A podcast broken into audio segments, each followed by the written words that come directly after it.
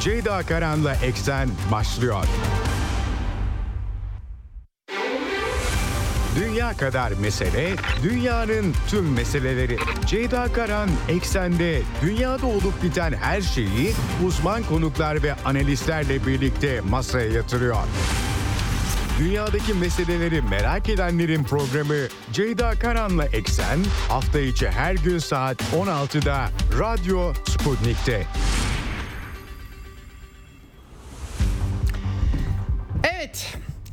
Eksenden merhabalar efendim. Yeni bir hafta başlıyoruz. Bugün 2 Ekim 2023 günlerden pazartesi dünyadan haberlerle yine karşınızdayız.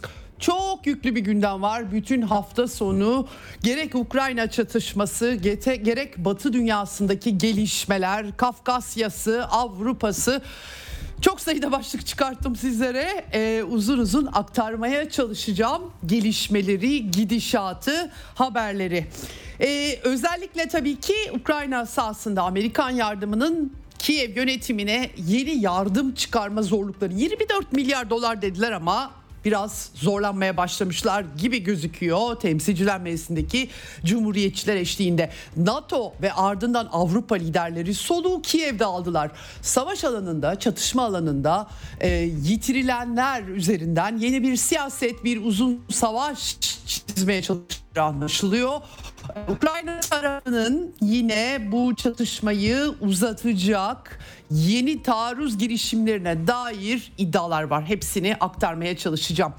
Amerika'daki siyasi tartışmalar, Avrupa'daki siyasi tartışmalar ve Avrupa'da özellikle Slovakya'ya çevrildi dikkatler. Çok kısa bir süre sonra da Polonya'ya çevrilecek. Slovakya'da e, sosyal demokrat lider e, aslında 20. yüzyılda Slovakya'yı yönetmiş, ekonomik açıdan da iyi sınav vermiş, Avrupacı diye de bilinen e, Robert Fico yeniden birinci sık çıktı sandıktan. Tabii Avrupalılar medya daha doğrusu çok mutlu değil. Amerikan liberal solunun benzerlerini de burada istiyorlar ve e, hakim görüş bu yönde olduğu için e, Fico'ya yönelik Rusçu, popülist pek çok eleştiri dile getiriliyor. Aktarmaya çalışacağım size. Slovakya siyasetinde kim kimdir diye aslında Avrupa'nın bir başka yansımasıyla karşı karşıyayız. Özellikle e, Ukrayna çatışması Amerika Birleşik Devletleri'nin BM kararlarını çöpe atarak uygulamadığı ve tetiklediği bu çatışmayı eleştiren bir tavır almıştı. E, koalisyon hükümeti kuracak ama Tabii e, her şey kolay olmayacak Slovakya açısından. Aktaracağım bugün daha detaylı bir biçimde sizlere. Çok dolu dolu bir gündem var. Gerçekten Ukrayna'daki e, gelişmeler artık tabii ki sınırlarla sınırlı değil. O sınırlar e, amorflaşmış durumda ama Batı dünyasında Kanada'da Kanada parlamentosunda geçen hafta Cuma e, 22 Eylül'de başlamıştı ama geçen hafta dünyaya mal oldu. E, SS Galicia tümeni yani Nazi e, rezaleti demek gerekiyor. Bunun yankıları devam ediyor. Hafta sonu Anthony Blinken Yahudi asıllı bir yönetici ve Nazizm konusundaki revizyonizmini sergileyecek bir takım paylaşımlar yaptı. Gerçekten Batı'da İkinci Dünya Savaşı sonrası aslında belki 21. yüzyıl değil ama 20. yüzyılda bilen biliyordu e, Batı'nın eski Nazilere kucak açmasını, bunların yargılanmamasını ama bu skandal sayesinde daha fazla tartışıldı. Blinken'ın e, attığı tweetle birlikte e, hepsini size aktarmaya çalışacağım. Tabii ki Kafkasya'dan da gelişmeler var. Güney Kafkasya'dan, Rusya'dan hepsini aktarmaya çalışacağım. Başlamadan frekanslarımızı tekrar etmek istiyorum. İstanbul'dan 97.8, Ankara'dan 96.2, İzmir'den 91, Bursa'dan 101.4 ve Kocaeli'nden 90.2. Karasal yayın frekanslarımız bunlar. Bunun dışında Sputnik Türkiye'nin web sitesi üzerinden cep telefonu uygulamasıyla Türkiye'nin her yerinden bizi dinleyebilirsiniz. Telegram kanalında e, hesabınız varsa Radyo Sputnik'e katılmanız Türkiye'nin her yerinden bizi dünyada tabii batıda sansürlenmeyen yerlerden bizi dinlemeniz için kafi. Canlı yayın dışında arkadaşlarım kayıtları da koyuyorlar. Ne olup bitmiş dünyada? Kim ne demiş? Neden olmuş? Merak ediyorsanız daha sonra dinleyebilirsiniz vaktiniz uygun olduğunda diyelim. Başlayalım eksene. Dünya kadar mesele, dünyanın tüm meseleleri. Ceyda Karan Eksen'de dünyada olup biten her şeyi uzman konuklar ve analistlerle birlikte masaya yatırıyor. Dünyadaki meseleleri merak edenlerin programı Ceyda Karan'la Eksen hafta içi her gün saat 16'da Radyo Sputnik'te. Evet, önce Ukrayna sahasındaki durumla başlayacağız. Ee, çok e, büyük ölçüde bir değişiklik olmadığını belirtelim ama Ukrayna ordusunun Zaporojye güney hattında, Donetsk cephesinde, Güney Donetsk cephesinde, Artyomovsk yönünde ve Kupyansk kuzeyde yönlerinde insan gücü, silah ve ekipman kayıpları var. Ee, bunun dışında bir kazancı yok. Hafta sonundan bugüne taşınan resim Ukrayna ordusu adına çok parlak değil. Ukrayna mevzileri, askeri mevzileri vuruldu. Tanklar, zırhlı araçlar, mühimmat depoları imha edildi. Bunların videoları da Rusya Savunma Bakanlığı tarafından yayınlandı. Ee, şimdi tabii bir tren imhası da var. Zırhlı araç taşıyan trenler yani batıdan bir yandan Ukrayna'ya uzun savaş için ekipman yağıyor. Bir yandan Rusya Federasyonu bu ekipmanları vurmaya devam ediyor. İskender e, füzeleri deniyor. Başka füzeler de olabilir tabii ki. Taktik füzelerle zırhlı araç taşıyan e, Ukrayna treninin vurulduğu bilgisi e, var hafta sonunda. Her son yakınları bu arada burada Ukrayna'nın yeni bir çıkarması beklentisi dile getiriliyordu Telegram kanallarından. Özellikle de 30 Eylül Rusya'da artık 4 yeni bölgenin Rus Ukraynası'nın Rusya Federasyonu'na geri dönüşü katılması olarak bayram olarak anılıyor. E, bu e, civarda bir takım hamleler bekleniyordu Ukrayna ordusundan ama her sonda da Dnieper Kahovka barajını patlatmıştı Ukraynalılar. Bu taarruza geçmeden önce 4 Haziran'da işte o bölgede Potem, Büyük Potemkin adası var. Burada çıkarma girişimlerinde bulunduğu Ukrayna güçlerinin ancak başarısız oldukları e, bilgileri aktardı. Bu arada tabi Rusya kanalları e, tamamen kaynaklar onlar. Ben e, doğrusu genel olarak doğru çıkıyor söyledikleri ama yine de kaynağı belirterek söylüyorum.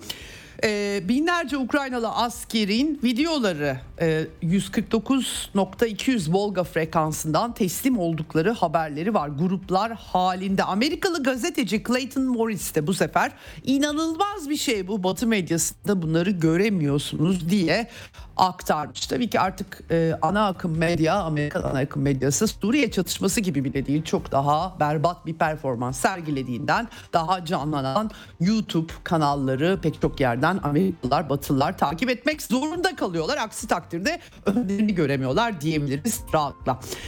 E, tabii Ukrayna tarafının da Rusya topraklarına saldırı girişimleri oldu. Krasnodar Kray bölgesi Smolensk'te İHA'larla saldırılar oldu. Bunların e, düşürüldüğü belirtiliyor. Tabii taarruz iddiaları var ama e, Rusya tarafında yeni bir seferberlik planı olmadığı açıklanmıştı. Ben aktarmıştım size. E, Genelkurmay Başkanlığından e, e, açıklamalar yapılmıştı. 1 Ekim ki Rusya'da ordu günü aynı zamanda yeni seferberliğe gerek olmadığı zaten rezervler var ve geçen hafta Rusya lideri Vladimir Putin dikkat çekici isimlerle buluşmuştu.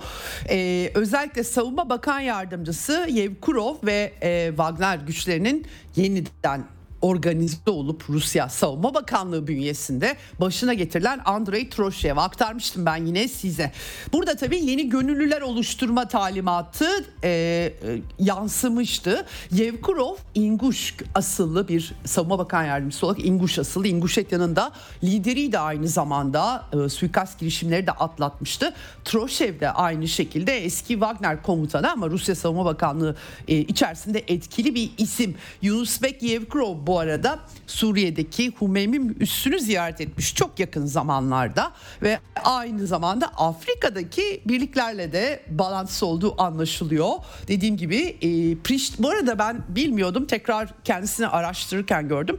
E, 1999 yanlış hatırlamıyorsam Yugoslavya'yı NATO eliyle parçalama girişimleri sırasında bir Rus birliği de e, bölgedeydi ve Priştine havaalanına ilk ulaşan Rus birliği olmuştu. İşte Yevkurov, Yunus Bek Yevkurov o birliğin komutanıymış. Aynı zamanda ben de bu şekilde hafızamı tazelemiş oldum. Aradan çok zaman geçmişti. Zira şimdi e, tabii e, Çeçen lider Kadirov'un öldüğüyle ilgili bir takım haberler bir 10 gündür ortada dolaşıyor. O da ölmediğini ispatlıyor. Onunla da görüşmüştü. Geçen hafta Rusya Federasyonu'nun e, üst düzeyinden açıklamalar gelmişti. Sergey Lavrov, Sergey Shoigu, Volodin Duma Başkanı hepsi kapitülasyon dışında bir şansı olmadığını e, vurgulamışlardı. Bunlara Medvedev de eklendi. Tabii kendisi de önemli bir e, görevde hem silah sanayinin başında hem Güvenlik Konseyi Başkan Yardımcısı. E, şimdi e, Güvenlik Konseyi Başkanı daha doğrusu Rusya Ulusal Güvenlik Konseyi'ni kastediyorum. E, Kiev'deki Nazi rejimi yok edilene kadar devam edeceğiz diye bir açıklama yaptı Telegram kanalında e, ve e, özellikle tabii ki e, burada e, zafer vurgusu çok dikkat çekici. E, zafer bizim olacak vurgusu Medvedev'in e, akıllara hemen Molotov'un sözleri geliyor. Nazi Almanya'sına karşı Sovyet Sovyet Rusya Sovyetler Birliği'nin savaşı başladığı gün ünlü radyo konuşmasında da yine zafer bizim olacak ifadeleri vardı. Tabii bu atıf hemen akla düştü. Medvedev aynı zamanda birazdan aktaracağım NATO liderleriyle ilgili yine açıklamalar yaptı. Aptal NATO liderleri bizi 3. Dünya Savaşı'na sürüklüyorlar diye e, vurgu yap, yapan bir açıklama hem e, birazdan anlatacağım Britanya Savunma Bakanı ve Fransız Savunma Bakanı Kiev'e gitmişlerdi. Almanya'dan yine açıklamalar olmuştu. Alman Savunma Komitesi Başkanı'ndan. Onlar tabii e, Ukrayna çatışmasını sürdürmek ve e, Rusya'ya yönelik e, Rusya açısından Medvedev açısından saldırgan emellerini sergiliyorlar. Dolayısıyla onun yanıtı da aptallar bizi 3. Dünya Savaşı'na sürüklüyorlar şeklinde e, oldu.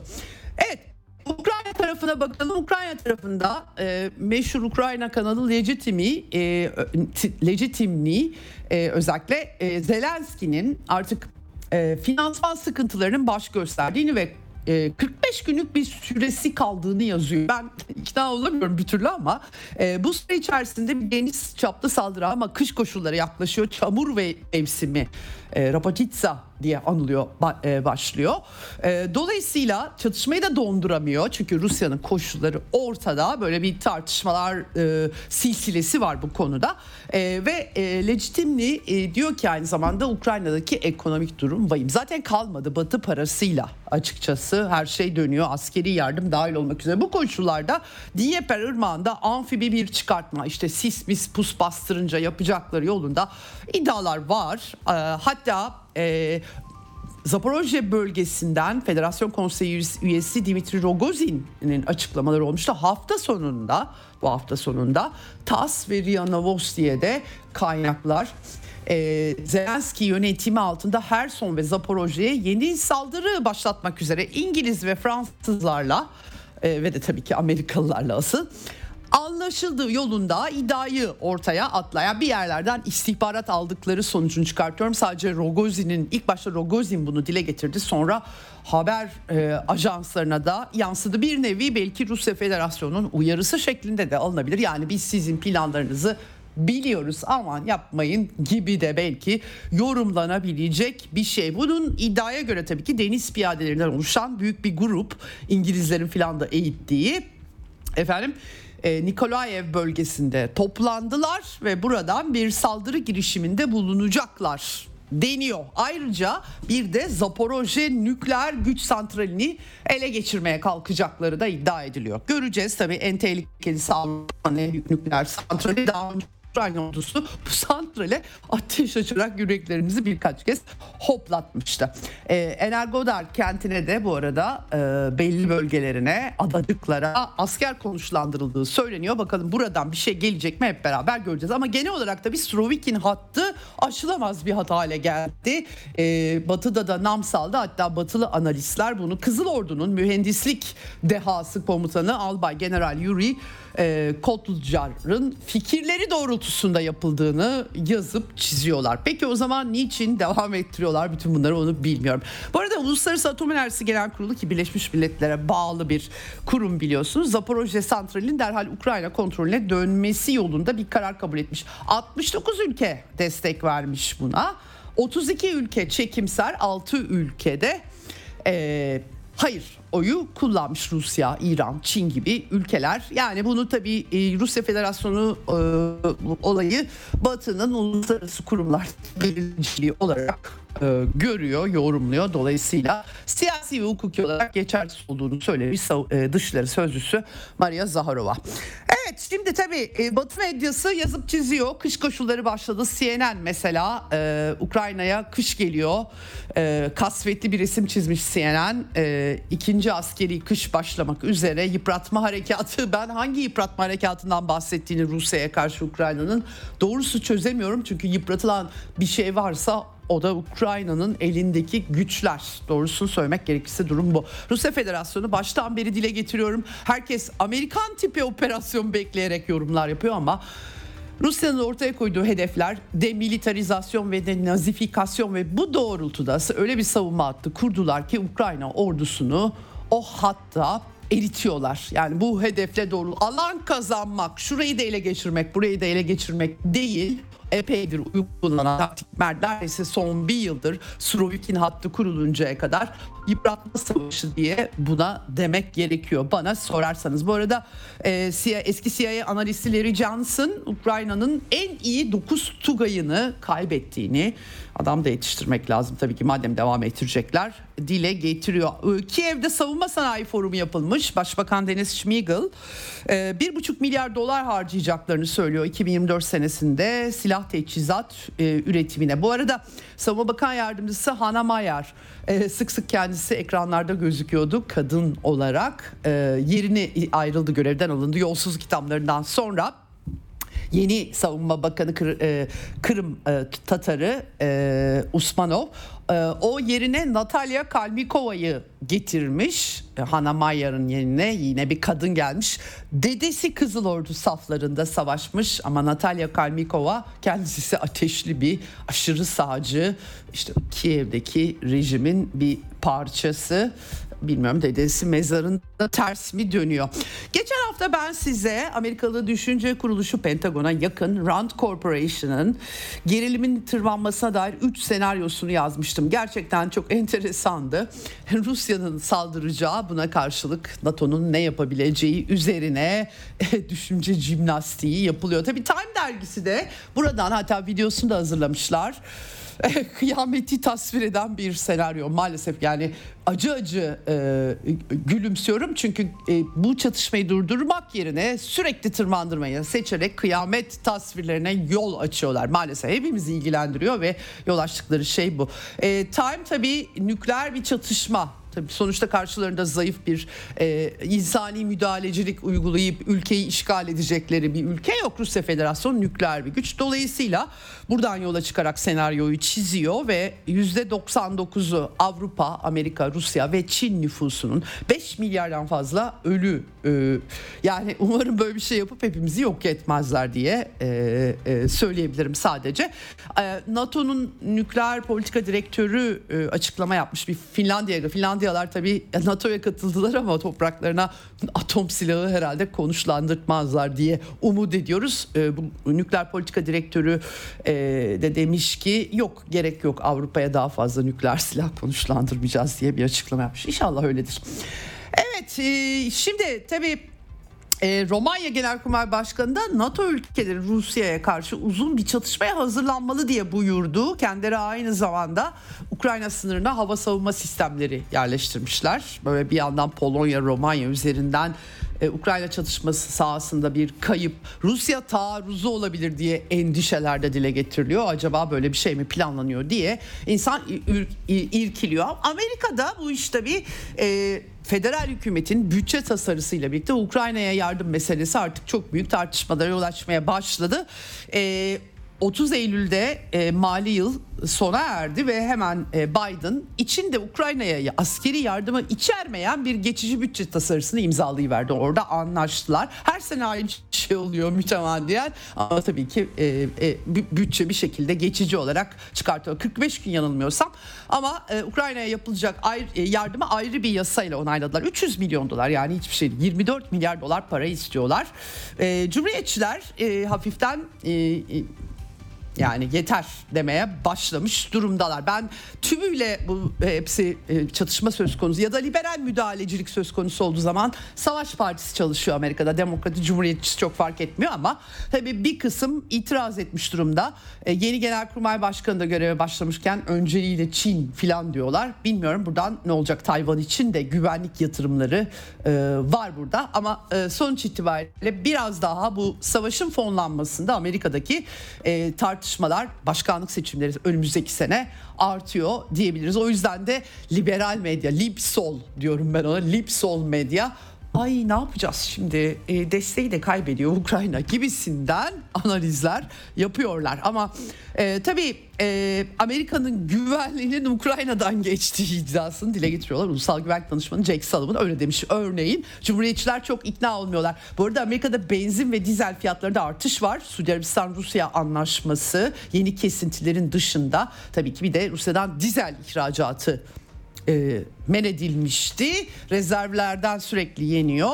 E, dolayısıyla 183 dolar Ural petrolü 60 dolarlık tavan çökmüş durumda zaten ama 100 dolara doğru da gidiyor.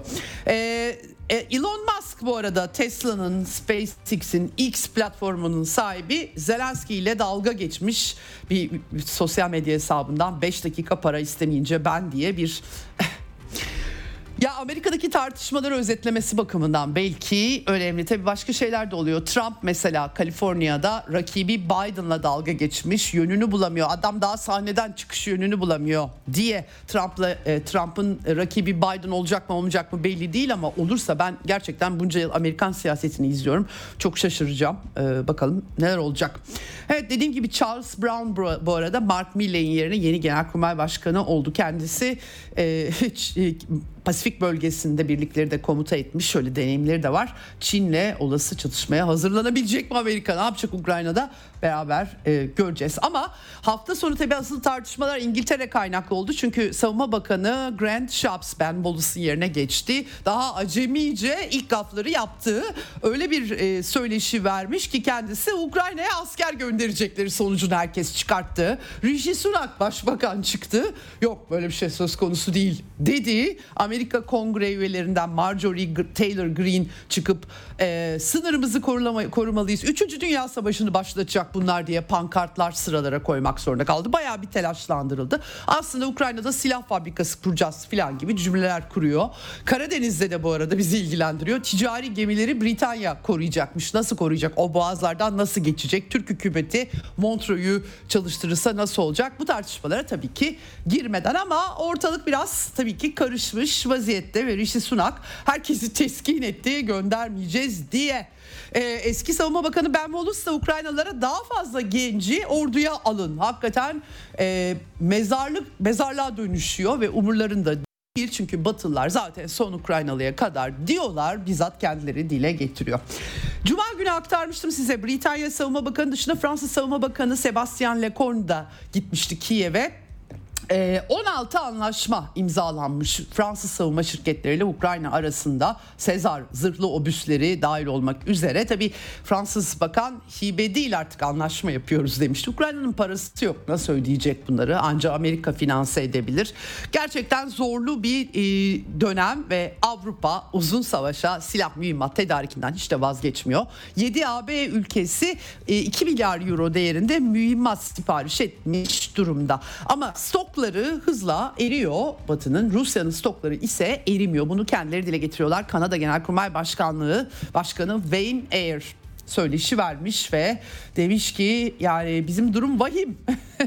Rusya'nın mühimmatı ise e, artıyor. Bizim yedek parça ve uzman eksikliği çok fazla demiş. E, Türk Bayraktar şirketleri de bu arada Ukrayna'da bir fabrikaya 100 milyon dolar yatırım yapacakmış Haluk Bayraktar. Kiev'deki savunma sanayi, sanayi e, forumuna. O da katılmış e, Rusya Federasyonu meşru hedef olacaklarını söylüyor. Bilemiyorum Ukrayna topraklarında fabrika kurmak akıllıca bir şey mi sonuç itibariyle çatışmanın doğası e, bu hale gelmişken. Evet şimdi e, Zelenski bu arada İran'dan Rusya'ya füze satışı yapıldığına dair kanıtları olmadığını söyledi. E kendisi söylüyordu füze verdiler diye. Demek yalan söylemiş ki ilk kez olmuyor diyebiliriz efendim. E, ama tabii 18 e, Ekim itibariyle BM ambargosu kalkıyor ve dolayısıyla Rusya Federasyonu eğer ihtiyaç duyarsa ki e, duyduğuna dair bir en azından olgu yok elimize. İran'dan da füze sistemi, fetahlar, zülfikarlar bunları alabilir durumda.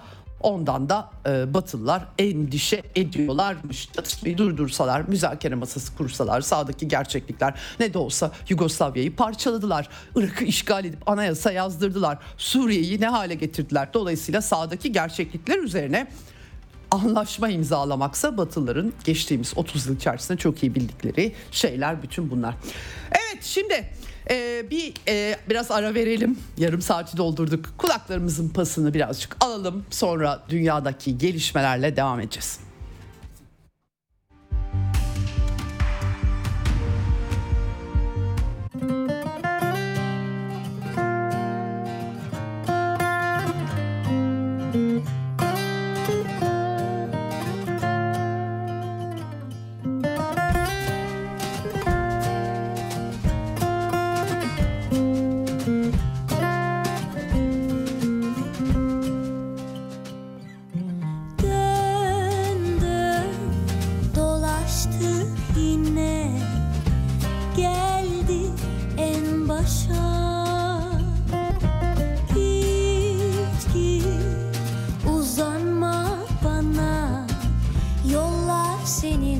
alone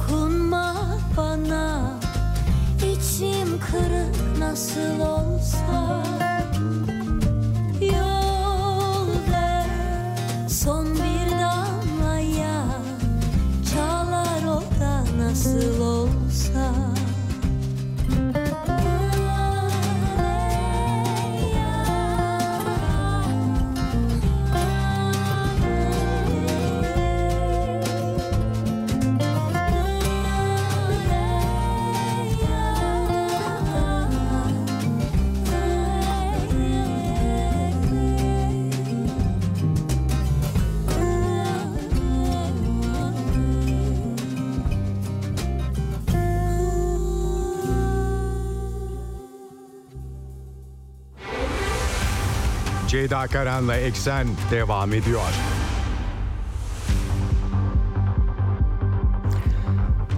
Evet kaldığımız yerden devam ediyoruz. Geçtiğimiz hafta dünya gündemine damgasını vurdu. Kanada'da Nazizm tartışmaları 22 Eylül Cuma günü bir önceki hafta. Ee, Zelenski BM Genel Kurulu için Amerika'ya gittiğinde oradan Kanada'ya geçmişti. Parlamentoya gitti. O sırada 14. SS Waffen Galicia tümeninde görev yapmış 98 yaşında Yaroslav Hunka gündemi belirledi.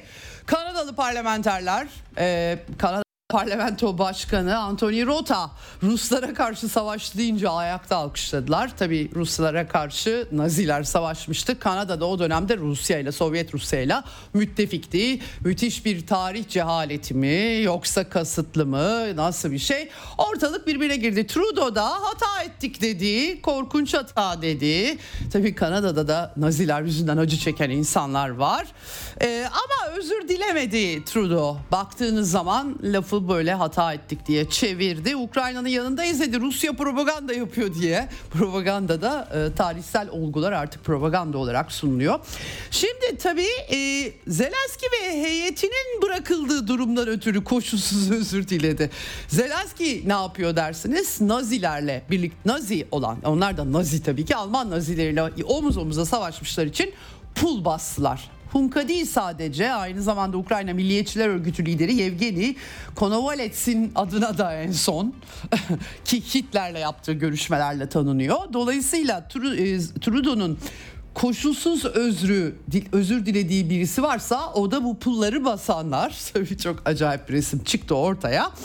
Şimdi tabii e, bu arada Kanada'da tartışmalar devam ediyor. Eski Adalet Bakanı Irving Kotler demiş ki yani bu e, memleket meğer Nazi savaş suçlularının sığınağı haline gelmiş. Tabii bunları nasıl oluyor, oluyor da bilmezler. Çok enteresan çünkü 1985 yılında soruşturma komitesi kuruyorlar. Fakat bu soruşturma komitesinin kayıtları hiçbir zaman tam olarak açıklanmıyor.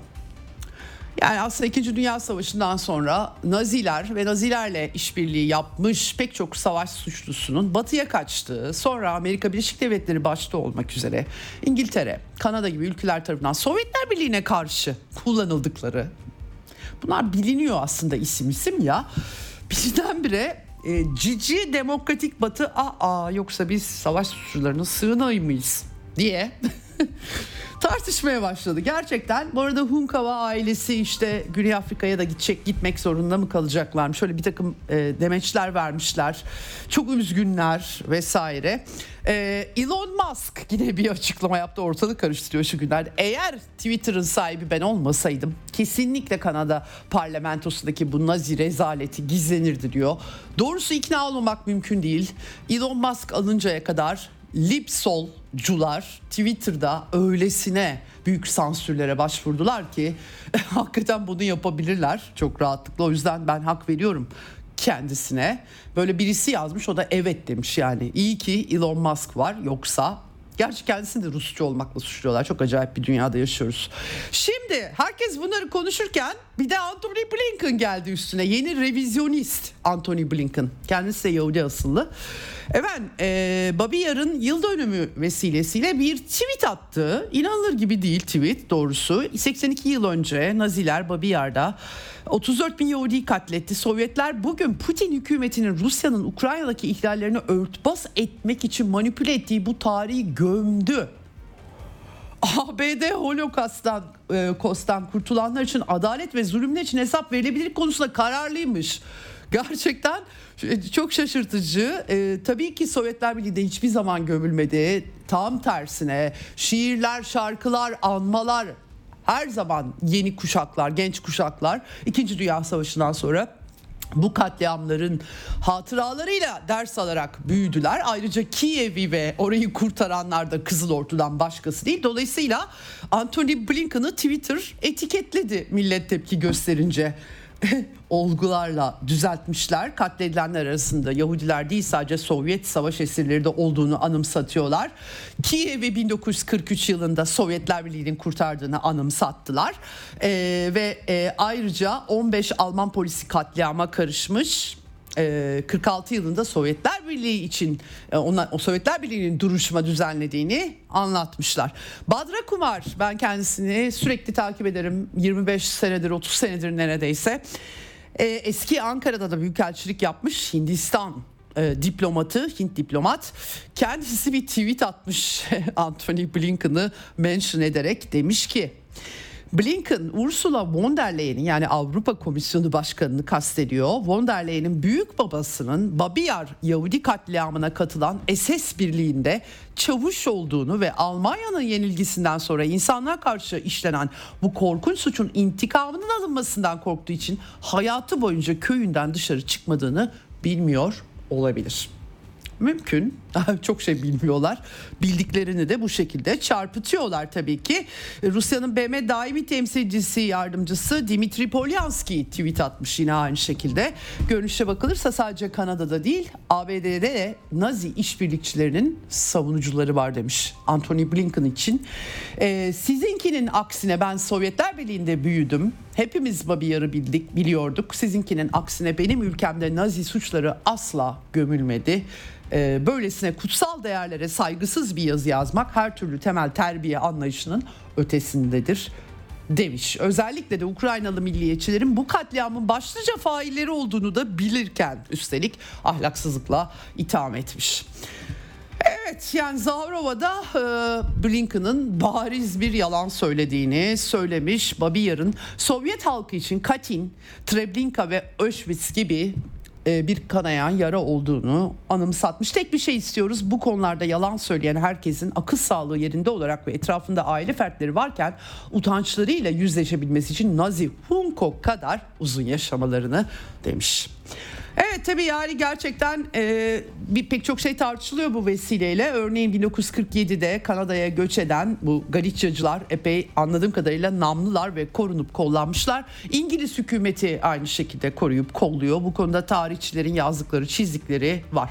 Ama yani e, biz e, hep e, İkinci Dünya Savaşı ile ilgili mesela Sovyetler Birliği Nazi Almanyası ile meşhur Molotov-Ribbentrop paktını biliyoruz. Mesela Münih Anlaşması'nın da 30 Eylül yıl dönümüydü. Münih Anlaşması'nda İngiliz Başbakan Neville Chamberlain, Benito Mussolini, Edward Daladier ve Adolf Hitler yapmıştı bu anlaşmayı ve gerçekten Avrupa'da Nazizmin yükselişine nasıl hizmet ettiklerini Molotov-Ribbentrop paktından da önce olup bitti bütün bunlar. Yani bir kendini savunmak için zaman kazanmak üzere değil başka bir şey için yapılmıştı. Bunları tabii ta, tarih iyi bilmek lazım. Tarih bilmeyince Anthony Blinken da sallıyor böyle. E, açıkçası böyle bir resim oluşuyor. Evet bu arada Rusya'da Vladimir Putin yönetimi e, Ukraynalıların Rusya'ya girişlerini kolaylaştıran kararname imzaladı. E, pasaport, kimlik belgesi, her şeyle girip çıkabilecekler. Çünkü Rusya Federasyonu'nda Ukrayna'ya karşı bir ırkçılık yok. Ukrayna'daki aşırı sağcıların aksine. 30 ee, Eylül başta da söylediğim gibi 4 e, bölgenin aslında Rus Ukraynası diyebileceğimiz bölgenin e, Rusya'ya katılımı e, ulusal bayram artık bu vesileyle bir tebrik yayınladı Rusya lideri. Aynı zamanda Abazya'nın da 92-93 savaşının 30. yıl dönümü tarih böyle her şey üst üste çakışmış durumda 30 Eylül'de hafta sonu bugün e, Lavrov'da Soçi'de e, hem Abazya hem Güney Ossetya liderleriyle buluşacakmış Rusya malum e, malum federal bir ülke hatta e, idari sistemi hala Sovyetler Birliği ile aynı diyebiliriz rahatlıkla. E, hafta sonu Cuma günü daha doğrusu Sergey Shoigu BDT ülkelerinin liderlikleriyle e, savunma bakanlarıyla daha doğrusu bir toplantı yapmıştı. E, askeri teknik işbirliği ve e, günümüz koşullarında güçlü orduya sahip olmak zorunluluğunu aktarmış. Tabii Güney Kafkasya'da ee, geçtiğimiz hafta bolca konuştuk aslında farklı tarafların görüşlerini de yansıttık. Ee, Dağlık Karabağ Ermenileri yurtlarından oldular e, yaklaşık 100 binden fazlası son bugünkü rakamı bilmiyorum ama zaten 120 bin nüfusu 100 binden fazlası Ermenistan'a gitmiş durumda. E, bunu da Erivan gayet normal karşılamış gözüküyor. Bakanlar Kurulu basın sekreteri Nazeli e, Bagdasaryan açıklama yapmış. E, mantıksal sonucuna ulaştığı söylenebilir diyor. Demek ki böyle bir sürgün e, yolculuğunu zaten öngörmüşler attıkları politikalar, politik adımlarla. E, Ermenistan Parlamento Başkanı Armen Simonyan ise Türkiye, Rusya ve Azerbaycan'ı suçlamış Avrupa Konseyi Parlamento Başkanları toplantısında. Askeri güç kullanımını onayladılar. E Batı onaylamadı mı? Batı zaten Azerbaycan toprağı sayıyor. Kimi eleştiriyor? Ben çözemedim doğrusu. E, efendim adil uzun vadeli barış arzusu 5 Ekim'de İspanya'nın Granada kentinde bu arada e, Ermenistan Azerbaycan liderlerini Avrupalılar buluşturacaklar. E, e, açıkçası e, anlaşılan şu yani Güney Kafkasya'da Ermenistan'da Avrupa'yı görmek istiyor e, parlamento başkanı bilemiyorum nasıl bir barış hayal ediyor. 30 yıl sonra ilk bu arada BM misyonu da Karabağ'a gitmiş. E, Sputnik Azerbaycan servisinin haberi bu. Adam'dan Askeran Han kendine gitmişler. E, Amerikalı senatörler ise ki 90 senatör az değil yarısı e, Amerikan dışlarına Azerbaycan'a yaptırım çağrısı yapmış durumdalar. Neye dayanarak yapacaklar yaptırımı? Gerçekten çok acayip bir resim çiziliyor. E, Zeitgeist acayip bir, bir şey gerçekten. Zamanın ruhu, herkesin küçük bir Amerika olması ama e, sosyoekonomik modeli sorgulamayacaksınız. Hep sosyal devrim yapacaksınız. Hep kimlikler, cinsiyetler, şunlar bunlar. O zaman demokratik oluyorsunuz. Kod ismi böyle bir şey. Ama o demokrasi neyin demokrasi, kimin demokrasisi? Ekonomik sorgu bunları yapmayacaksınız. O zaman şahane oluyor her şey. Efendim, e, Latin Amerika, Rusya e, parlamenterler konferansı vardı bu arada. Birinci e, bu konu burada Rusya'nın katılımcılara hitabı oldu. Latin Amerika ülkeleriyle Rusya'nın işbirliğini arttırmak ve parlamenterler diyaloğunu arttırmak e, öncü rol oynanması. Artık e, tabii ki BRICS BRICS'in de e, Latin Amerika ile e, bağlantısının derinleşmesi söz konusu. Rusya'nın her zaman Latin Amerika'ya yardıma hazır olduğunu vurguladı e, Vladimir Putin ve Fidel Castro Castro'yu da anmış. Ee, biliyorsunuz o bir kaya gibiydi. Her saniye insanları düşünen bir adamdı. Sadece Kübalıları değil tüm Latin Amerika'yı düşünüyordu. Dünyadaki tüm insanları düşünüyordu. Castro demiş kaya gibiydi demiş Salvador Allende ve Che Guevara'yı da e, aynı zamanda adalet ve sosyal eşitlik için özverili savaşçılar olarak anmış Vladimir Putin. Evet geçtiğimiz hafta da BM Genel Kurulu'nda Meksika temsilcisi küresel güneyi altını çizerek anmıştı ve olaylara Amerikan Avrupa Lib solundan farklı baktıklarını dile getirmişti. Evet e, şimdi e, Avrupa'ya geliyoruz. E, Slovakya'yı özel olarak programın son bölümünde e, aktaracağım sizlere ama bir tabii ki ilk başta aktardığım Ukrayna çatışma alanında Donbas'taki gelişmeler e, Batı'yı kaygılandırıyor. NATO Genel Sekreteri bir yol bulacağız diye bir açıklama yaptı hafta sonu. Özellikle Polonya ve Slovakya Slovakya'daki seçimler, Polonya'da da yaklaşıyor seçimler. Bunu belirtmek gerekiyor. Avrupa Birliği Dışişleri Bakanları bugün Kiev'de buluşuyorlar. E, geçtiğimiz Cuma günü İngiliz, Fransız savunma bakanları gitti. Joseph Borrell gitti hafta sonu. AB'nin bahçı, bahçıvanı gitti. Bugün de Dışişleri Bakanları toplantısı var. Yani yarın daha çok detaylarına bakıp aktarabilirim e, perde arkasıyla size ama Annalena Baerbock'un Almanya Dışişleri Bakanı'nın cümlelerini gördüm. Neredeyse Rusya'yı da Avrupa Birliği'ne katmış kendisi. Zira demiş ki Ukrayna'nın geleceği Avrupa Birliği'nde. Ee, yani e, düşünün Nazilerin hatırasına Hitler'le tokalaşmışların hatırasına pullar basanların geleceği Avrupa'da. Demiş ki özgürlük topluluğumuzda yatıyor. Avrupa Birliği'nde yatıyor ve yakında bu Lizbon'dan Lugansk'a kadar yayılacaktır. Yalnız Lugansk bölgesine ben gitmiş bir insanım 2018'de. Lugansk'takilerin Baerboha e, hiç de hoş hareketler yapacaklarını e, şahsen zannetmiyorum. Biraz hayal kuruyor gibi geldi.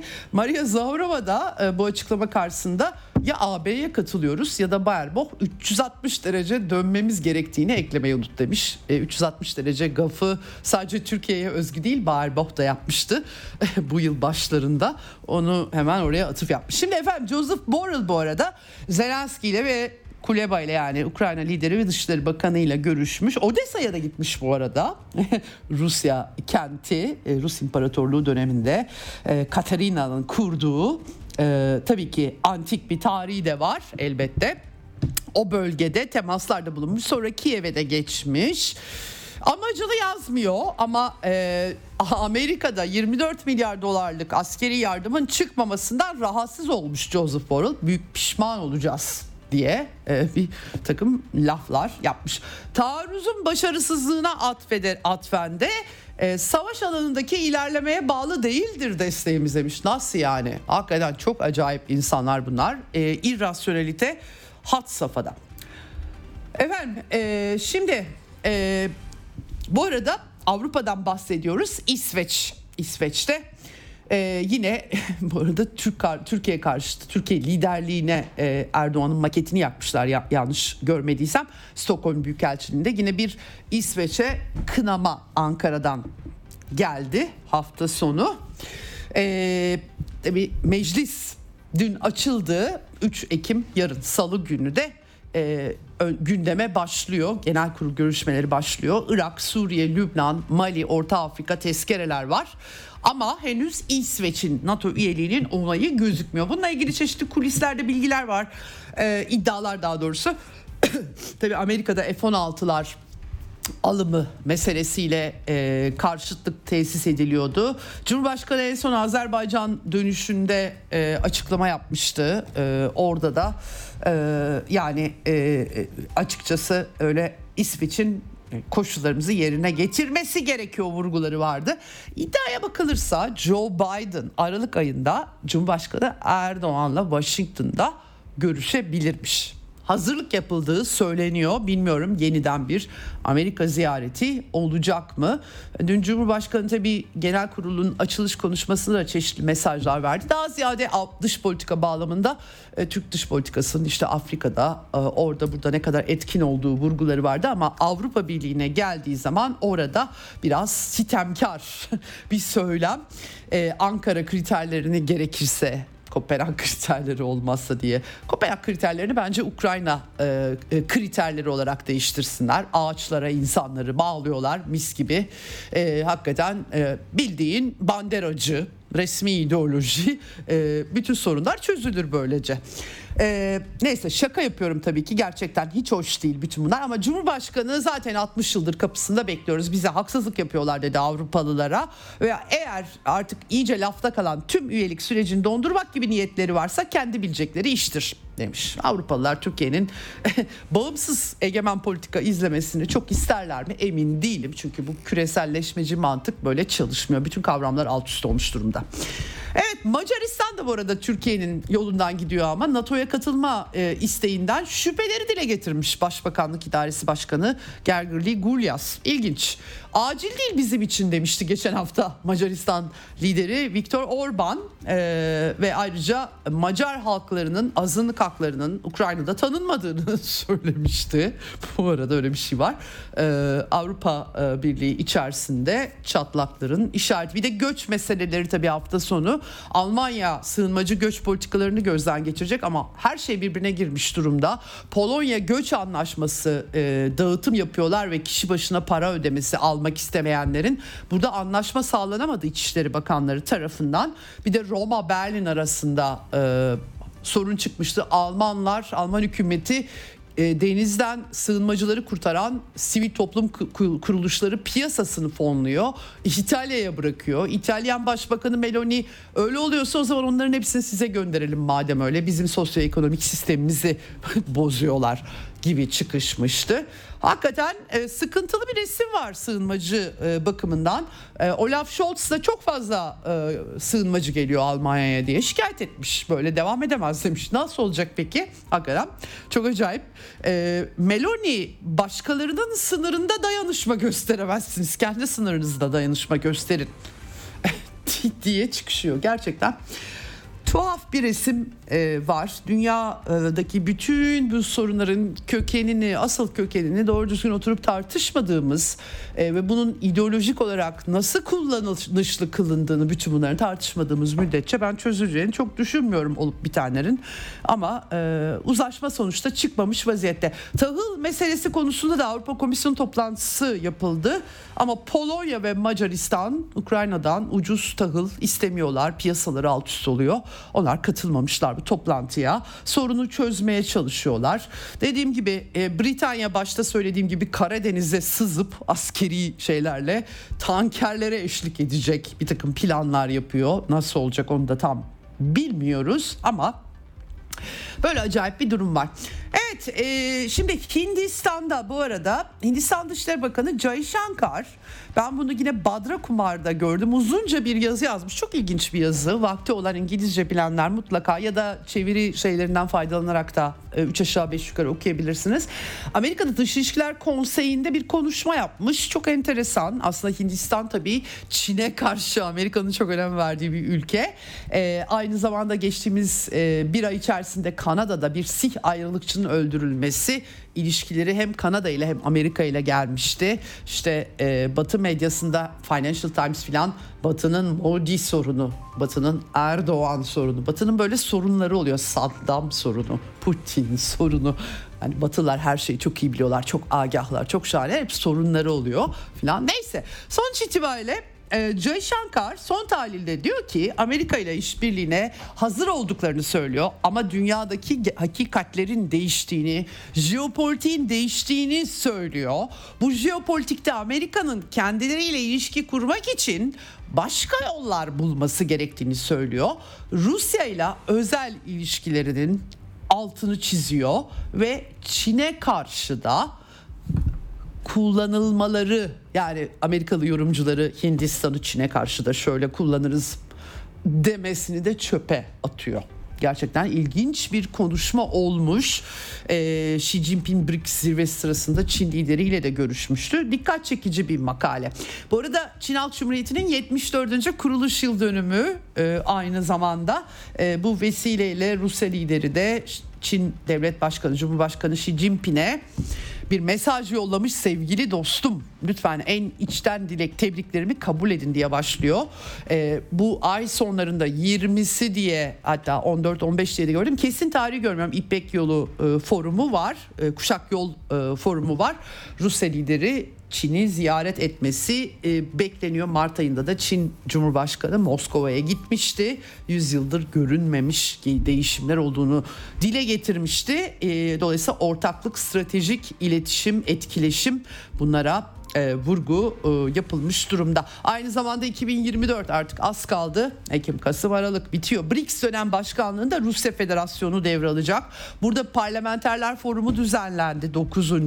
Aslında BRICS'in var bu forum ama daha da genişleyecek ve bu çerçevede Avrupa Parlamentosu gibi düşünün. Belki o kadar etkili değil mekanizmalar itibariyle ama en azından oluşum itibariyle e, parlamenterler Ocak 2024'te Arjantin, Mısır, Etiyopya, İran, Birleşik Arap Emirlikleri, Suudi Arabistan e, BRICS'e katılacaklar. Bir ilk genişleme dalgası. Dolayısıyla bunun mekanizmalarının hazırlanmasında Rusya Federasyonu'nun parlamentolar arası işbirliğine de önem vereceği vurguları var.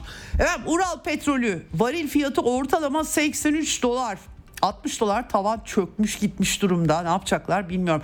Bir başka not gördüm ekonomi bağlamında ahşap üzerindeki ihracat vergisini Rusya Federasyonu %15'ten %80'e çıkarmış.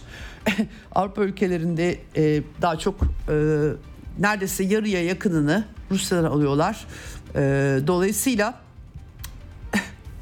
bilemiyorum Avrupa Birliği her alanda ekonomik manada ciddi sıkıntılar ama zengin ülkeler paraları var finanse ederler diyelim ne diyelim başka açıkçası fazla söyleyecek bir şey bulamıyorum. Evet vaktim azaldı şimdi ama e, Türkiye-Irak petrol boru hattı bu hafta e, faaliyete geçiyormuş. 500 bin varil petrol daha akacak ama yani bu fiyatları etkileyecek mi çok emin değilim. Enerji uzmanlarına sormak gerekiyor. Enerji tabii Kaynaklar Bakanı duyurmuş e, vaziyette durumu. E, Suriye bu arada Cumhurbaşkanı Beşar Esad Çin ziyaretinden dönüşte açıklamalar yapmış. Çok verimli başarılıydı diye.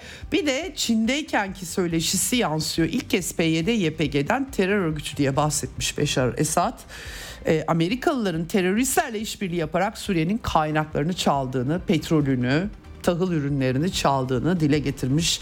Bununla ilgili görüntüleri de The Cradle e, e, internet sitesi yayınlamıştı son olarak.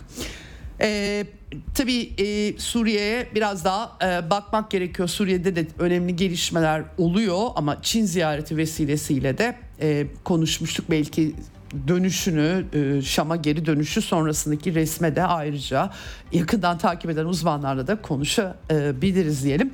Şimdi bir ara vereceğiz. Az sonra e, Slovakya üzerinden Doğu Avrupa cephesinde Batılıları endişelendiren durum aktarmaya çalışacağım sizlere.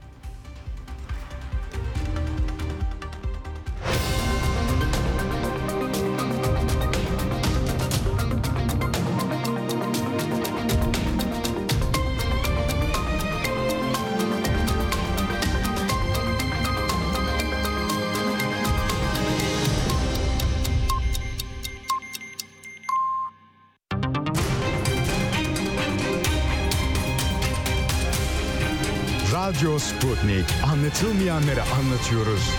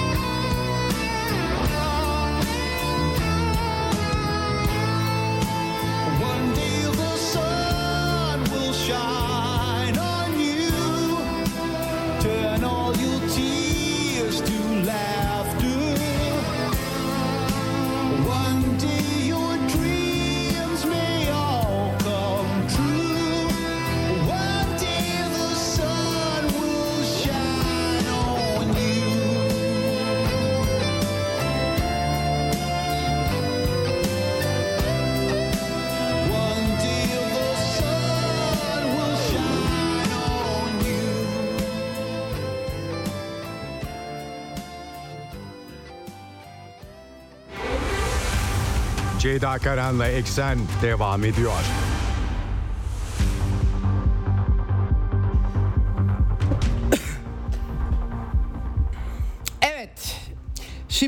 Bölüme geldik. Bu bölümde biraz Avrupa'ya bakacağız. Aslında Ukrayna çatışması Avrupa Birliği içerisinde özellikle Doğu Avrupa bandında çeşitli sonuçlar üretiyor. Politik olarak bunlar kısa vadede nereye bağlanacak çok bilmiyoruz. İşin aslına bakmak gerekirse. Çünkü Avrupa'nın bağımsız politikaları e, Amerika Birleşik Devletleri'nden transatlantikten bağımsız politikaları olmadığını ortaya koymuştu. Malum Almanya'nın sivil altyapı projesi bile yok edildi. Kuzey akım ve soruşturma doğru düzgün yapılamaz halde yok edeceğini söyleyenlerin kim olduğunu da herkes biliyor. Şimdi enerji sıkıntısı, işte göçmen sorunu pek çok mesele Avrupa'da tartışılıyor. Pek çok sıkıntı da var ama sonuç itibariyle e, ideolojik olarak hakim olan zihniyet Amerika'nın ortaya koyduğu liberal sol. Bunun eleştiren, bunun getirdiği sorunları, sıkıntıları tartışan insanlar genellikle ulusalcı olarak ya popülist olarak yaftalanıyor. Kavramların içi çok boşaltıldı. Malum tarih yeniden yazılıyor. En son Kanada'da ya da Anthony Blinken'ın tweetinde ortaya çıkan yeniden tarih yazımını görüyoruz. Somut örnekleri ortada. Fakat bu bazı şeylere fayda getirmiyor. Ee, hareketlilik devam ediyor. Nereye evrilecek bilemiyoruz. Slovakya'ya dikkatler çevrildi bu hafta sonu. Cumartesi günü e, barışçı bir biçimde Çekoslovakya e, ayrılmıştı. Malum hep örnek olarak da verilir. Burada sonrasında aslına bakarsak 2000'li yıllarda da hep sosyal demokratların hakimiyetinde bir siyasal iklim oldu Slovakya'da. Fakat son dönemde yine Amerikan tipi Lipsol diyorum ben buna. Avro e, Atlantist diyelim ilerlemeci parti progresif kelimesi kavramı Amerika'da demokratlara atfediliyor. Uluslararası planda emperyalizm, insani emperyalizm diyorlar buna. Belirli belirli milletleri, etnik kimlikleri iyilik atfedip aslına bakarsanız Amerika'nın jeopolitik çıkarlarının yer aldığı bölgelerde ee, ona göre yani mesela Donbas'taki Ruslar kötü ama dünyanın yani Sırplar, Kosova'nın Sırpları kötü, Arnavutları iyi. Böyle bu kriterleri Amerika Amerikan aklı belirliyor. Kimler iyi, kimler kötü. Ee, bu insani emperyalizm böyle bir şey. Şimdi tabii e, çatışma yaratabiliyorsunuz, çıkartıyorsunuz, fonluyorsunuz ama sonra yol açacaklara hakim olamıyor Amerika'nın aslında. Yugoslavya'yı parça Avrupa ile birlikte tabii ki Yugoslavya'yı parçaladığından beri serüveninde sıkıntılar çıkıyor ortada. Hiçbir şey yönetilemiyor. Taşıdığı sorunlar da çözülemiyor. E, bu ilerlemeciliğin e, dayattığı fikri zihniyet ise her yere yerleşiyor. Türkiye'de de çok yaygın aslında. Bütün kriterlerinizi e, bu ilerlemecilik belirliyor. Slovakya'da da öyle aslında. E, Slovakya'da baktığınız zaman şimdi seçimleri kaybeden parti daha doğrusu e, cumartesi yapılan seçimlerde Robert Fico Robert Fico ya da belki de öyle ifade ediyorlardır. E, Sosyal Demokrat Partisi Yön Hareketi %23.40'la 30 33-4 arası bir şey. Birinci parti çıktı. Liberal İlerici Slovakya. işte bu ilerlemeci ilerici Slovakya. 16.8 iktidar partisi ikinci çıktı. Yine Hlas partisi var. Ses partisi. Onlar onlar da sosyal demokrat. Onlar da bu e, aslında Slovakya siyasetini belirleyen eski Komünist Parti, Sosyalist Parti çekirdeğinden ayrılma. Onlar da %15.3 çıktılar. Şimdi bu ilerici Slovakya'nın savunduklarına bakıyoruz. Açık, hoşgörülü, kozmopolit bir toplum. evet, yeşil politika, LGBTQ artı hakları gördüğünüz gibi her yerde aynı. Ee, Sosyal Demokrat Parti Robert Fico'nun partisi Smer e, ise buna liberal faşizm ismini veriyor. Daha sosyal güvenlik haklarının korunacağı istikrarlı bir toplum, ekonomik model, sosyal demokrat model öneriyor. O yüzden de popülist neredeyse sağcı ilan edecekler Sosyal Demokrat Parti'yi diye sunuluyor. Tabii ki göçmen meselesini farklı yaklaşıyorlar e, Slovakya'da. Şimdi tabii e, Fico'nun partisi bu işten birinci çıkınca bir panik ortalığı e, sarmış durumda. E, aslında 2006, 2010, 2012 ve 2018 yıllarında yani Avrupa liberalleşmesi herkesin ay kadar şahane her şey çok cici dediği dönemde adam başbakan olmuş ve e, ekonomik olarak da görece Avrupa'daki durumla düşünüldüğü zaman gayet iyi ekonomi politikaları uyguladığı günümüz koşullarında anlaşılıyor. Fico'nun böyle özel bir yoksulluk vesaire yok ama Washington Post'a göre uzmanlar liberal olmayan AB ekseninin parçası olacak Fico ve Slovakya. Ee, efendim Financial Times e, Batı için endişe verici bir sinyal. Hangi Batı? Newsweek sırtından bıçaklayacaklar Ukrayna'yı gibi e, vurgular yapıyorlar. E, kötü haberler, e, popüler, popülist lider, Rusçu lider diyorlar. Putinist diyorlar. Alakası yok. Adam Avrupacı aslında ya da Slovak sosyal demokratı öyle diyelim. Şimdi evet, ama Slovakya öyle bir e, bir açmak için belki e, belirtilebilir. Cumhurbaşkanı Zuzana Çaputova örnek verilebilir. O da ilerlemeci liberallerden. e, kendisi biraz Soros'la anılıyor tabii. Ee, anıldığı için de Fiko tarafından bana hakaret ediyorlar diyor kendisi. Gerçi 9 Mayıs'ı hala e, ülkenin faşizmden kurtuluşu olarak kutlayıp Sovyetlerin ne kadar etkili olduğunu falan yazmak zorunda kalmıştı kendisi. Ama liberal bir Soroscu olarak nam salmış durumda. Kendisine de böyle e, Washington'ın gölgesi diye bakıldığı için ee, bana hakaret ediyorlar, bana karşı nefret körüklüyorlar. Çok kolay liberaller. Liberaller her şeyi nefret olarak algılıyorlar. Zaten siyasi tartışmaya girdiğiniz zaman siz öyle yapıyorsunuz ama bunun sonuçları böyle olur. Bu nasıl bir şey dediğiniz zaman hakaret ediyorsun bana diyorlar. Olay bitiyor orada. Hani siyasi tartışma zaten farklı fikirlerin çarpışması her şeyi hakaret yani küfür yoksa içinde vesaire niye her şey hakaret oluyor bilmiyorum ama e, Fiko'ya karşı yasal işlem bile kendisi başlatmış. Hatta şimdi seçimlerden sonra da bir tebrikini en azından ben görmedim. Belki eder Cumhurbaşkanı olarak malum başbakan olarak görevi Fiko'ya vermek durumunda kalacak. Büyük olasılıkla koalisyon kurulacak. Şimdi bütün bunlar neden oluyor? Neden Batılılar e, sırttan liberal a, a, Atlantisist liberalizm sırtından bıçaklanıyor diyorlar. Çünkü Fico kampanyasında NATO'nun feci bir vekalet savaşı e, başlattığını söylemişti. 2014 yılında da Rusya'ya yönelik yaptırımları eleştirmişliği var tabii ki. E, çünkü yani barış istiyor. Özel harekat başladığı zaman da Ukraynalı Naziler bunun sorumlusu diye bir tespit yapmıştı banderacıları kastederek. Savaşı Ruslar değil faşistler başlattı demişti. Evet e, şöyle ifadeleri var yani savaş bir yıl iki ay önce kampanyasında söylediği şeyler değil 2014 yılında Ukraynalı faşistlerin Ukrayna'daki Rus vatandaşlarını Rusyalıları Rusları öldürmesiyle başladı. Her şey Rus uyrukluların faşistler tarafından öldürülmesiyle başladı. Silah yardı, yardımı bir cinayettir demiş. O yüzden de Rusça oldu. E, tarihsel olarak tabii ki 2014'te biz e, Poroshenko'nun Ukrayna'nın Rusları için bizim çocuklarımız okula gidecek, onların çocukları sığınaklarda yaşayacak gibi cümlelerini de bildiğimiz için adam e, bir olgusal şeye duruma işaret etmiş. Ama e, tabii ki Amerikan lip solcusu olmadığı için beğenilmiyor. Aslında eski kafalı bir sosyal demokrat diyebiliriz, Avrupacı diyebiliriz kendisine. E, ama tabii komünist ediyorlar.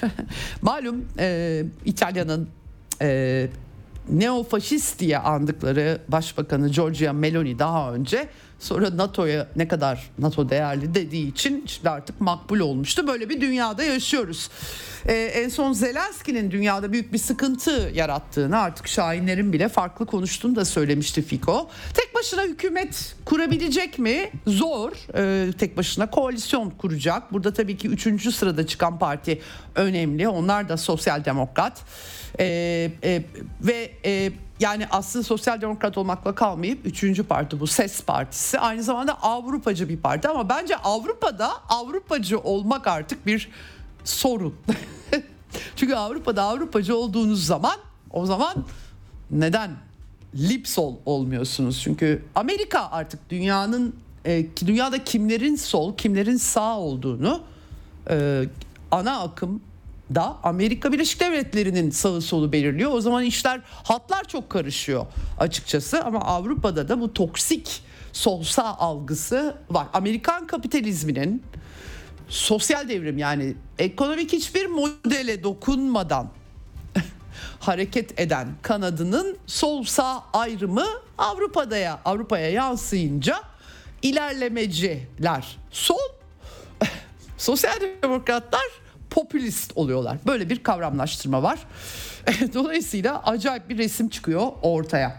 Şimdi e, tabii biz bu Simer Partisi'ne bir parça şöyle baktığımız zaman köklerini görüyoruz zaten. Komünist Partisi'nin halefi aslında çekirdeği siyaset siyaset yapanlar aslında sosyalizmin çöküşü sonrasında oluşan sosyal demokrat Avrupacı ve de hareket ama yetmiyor çünkü artık Avrupacı değil küreselleşmeci olmak gerekiyor. Kendi ülkenizin çiftçisini, işçisini, emekçisini filan savunmayacaksınız. Korporasyonlar üzerinden düşüneceksiniz. Ha bir de sosyal devrim ekonomiye dokunmayın. Ekonomi modeline, kapitalizme asla dokunmayın.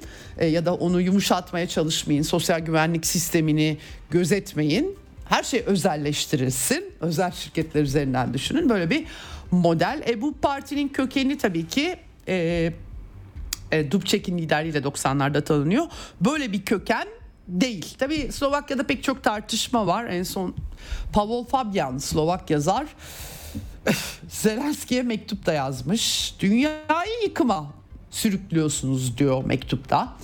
E, Yeltsin döneminde neredeyse Batı'nın Rusya'yı çökertmeyi, yok etmeye, e, yok, yok etmeyi başardığını ama bundan ders alındığını e, söylüyor. Rusya analizi bu şekilde.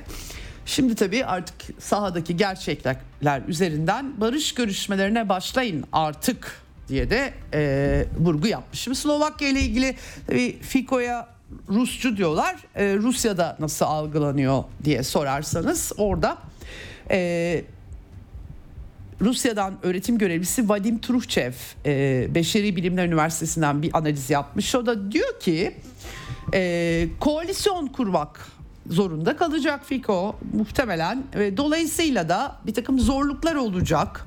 E, dolayısıyla karşımızda böyle bir e, Rusçu falan yok. Rus düş daha az Rus düş, düşmanlığıyla uğraşacaklar. Yani ilerlemeciler çünkü direkt Amerika gibi baktıkları için onlar doğrudan zaten Rus düşmanlığı üzerinden politika Rus ve Rusça düşmanlığı üzerinden e, askeri yardımları daha fazla sorgulayacaklar, daha az düşmanlık yapacaklar diyor. Hep beraber göreceğiz tabii ki ne doğacak ama tabii e, Doğu Avrupa'da e, uzun yıllardır Soroscu küreselleşme egemen ideoloji olduğu için e, burada bir takım çatlaklar ortaya çıkıyor. Macaristan mesela Macaristan'da da Fico gibi Viktor Orban'ı da sağ popülist diye bakınız kavramlaştırmalar. Maalesef solcular da kullanıyorlar bu kavramlaştırmaları. Aynen Amerikan lip solundan alıyorlar ve aynı kavramları e, kullanıyorlar.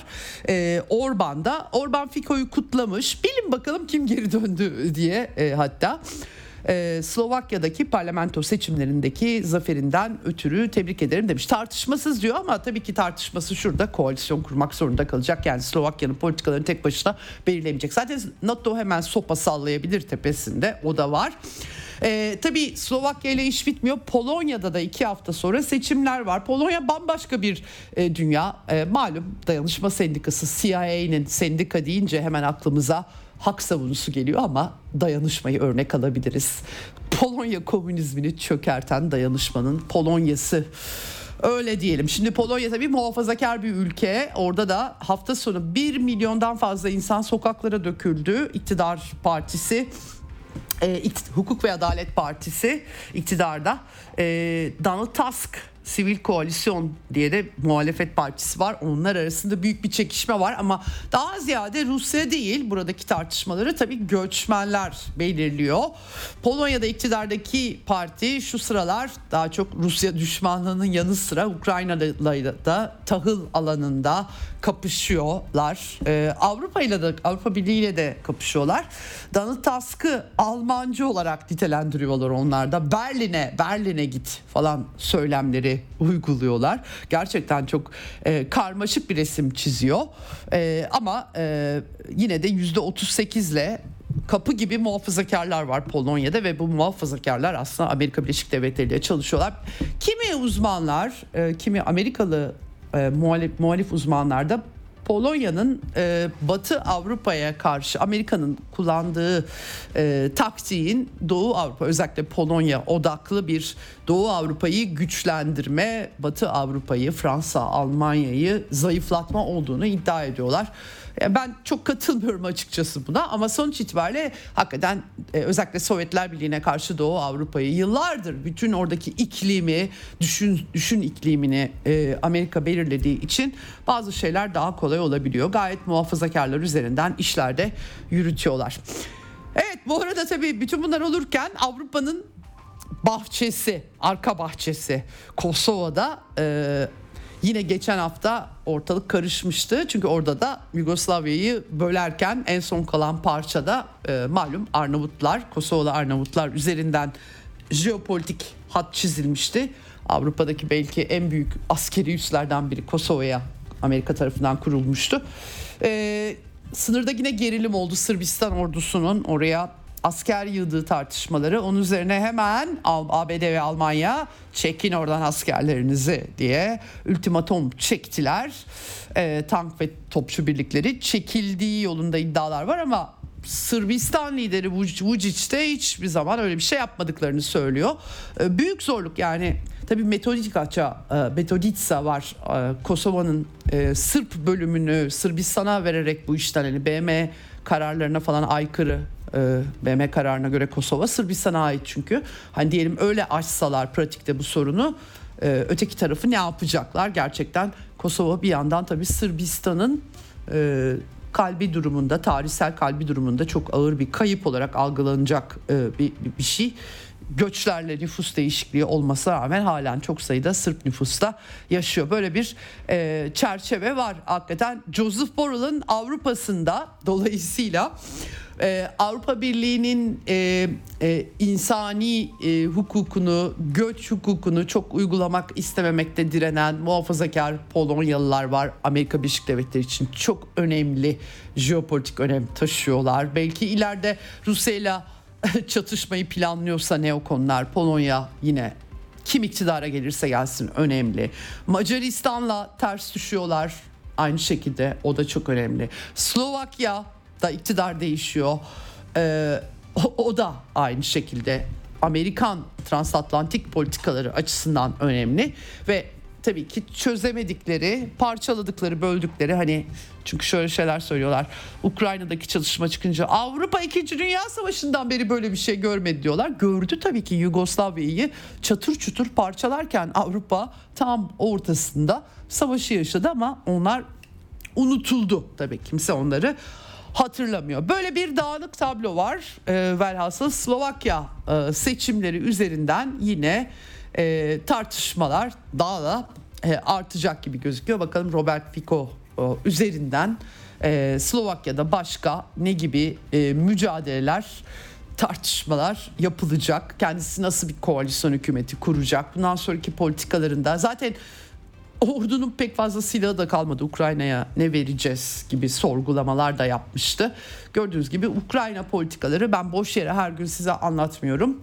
Ee, Batı dünyasında pek çok şeyi etkiliyor, etkilemeye de devam edecek kaçınılmaz olarak. Ta ki bu işleri bir müzakere masasıyla e, sona erdirmeye karar verirlerse oraya kadar ya da zaten aksi nükleer silahlı bir güce eğer NATO savaş açmayı kafasına koyduysa gerçekten o zaman hepimizin korkması gerekiyor. Umarım böyle bir şey yoktur elbette ki. Ee, böyle bir çerçeve var. Son bir de Fransa'dan not aktaracağım Avrupa'dan. Ee, bu da işin siyaset magazini olsun gerçekten çok acıklı. Ama Paris'te tahta kurusu alarmı vermişler hafta sonu haberleri vardı. 2024 senesinde Fransızlar yaz olimpiyatlarına ev sahipliği yapacaklar ama ulaşım sistemi özellikle kamu binaları ve işte sinema salonları gibi yerlerde tahta kuruları görülmüş. Baya böyle halk videolarını paylaşıyor.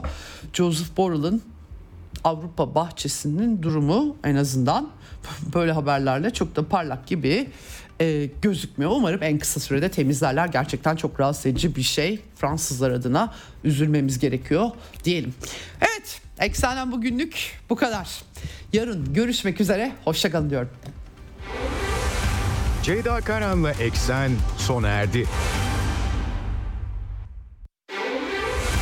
Dünya kadar mesele, dünyanın tüm meseleleri. Ceyda Karan Eksen'de dünyada olup biten her şeyi uzman konuklar ve analistlerle birlikte masaya yatırıyor. Dünyadaki meseleleri merak edenlerin programı Ceyda Karan'la Eksen hafta içi her gün saat 16'da Radyo Sputnik'te.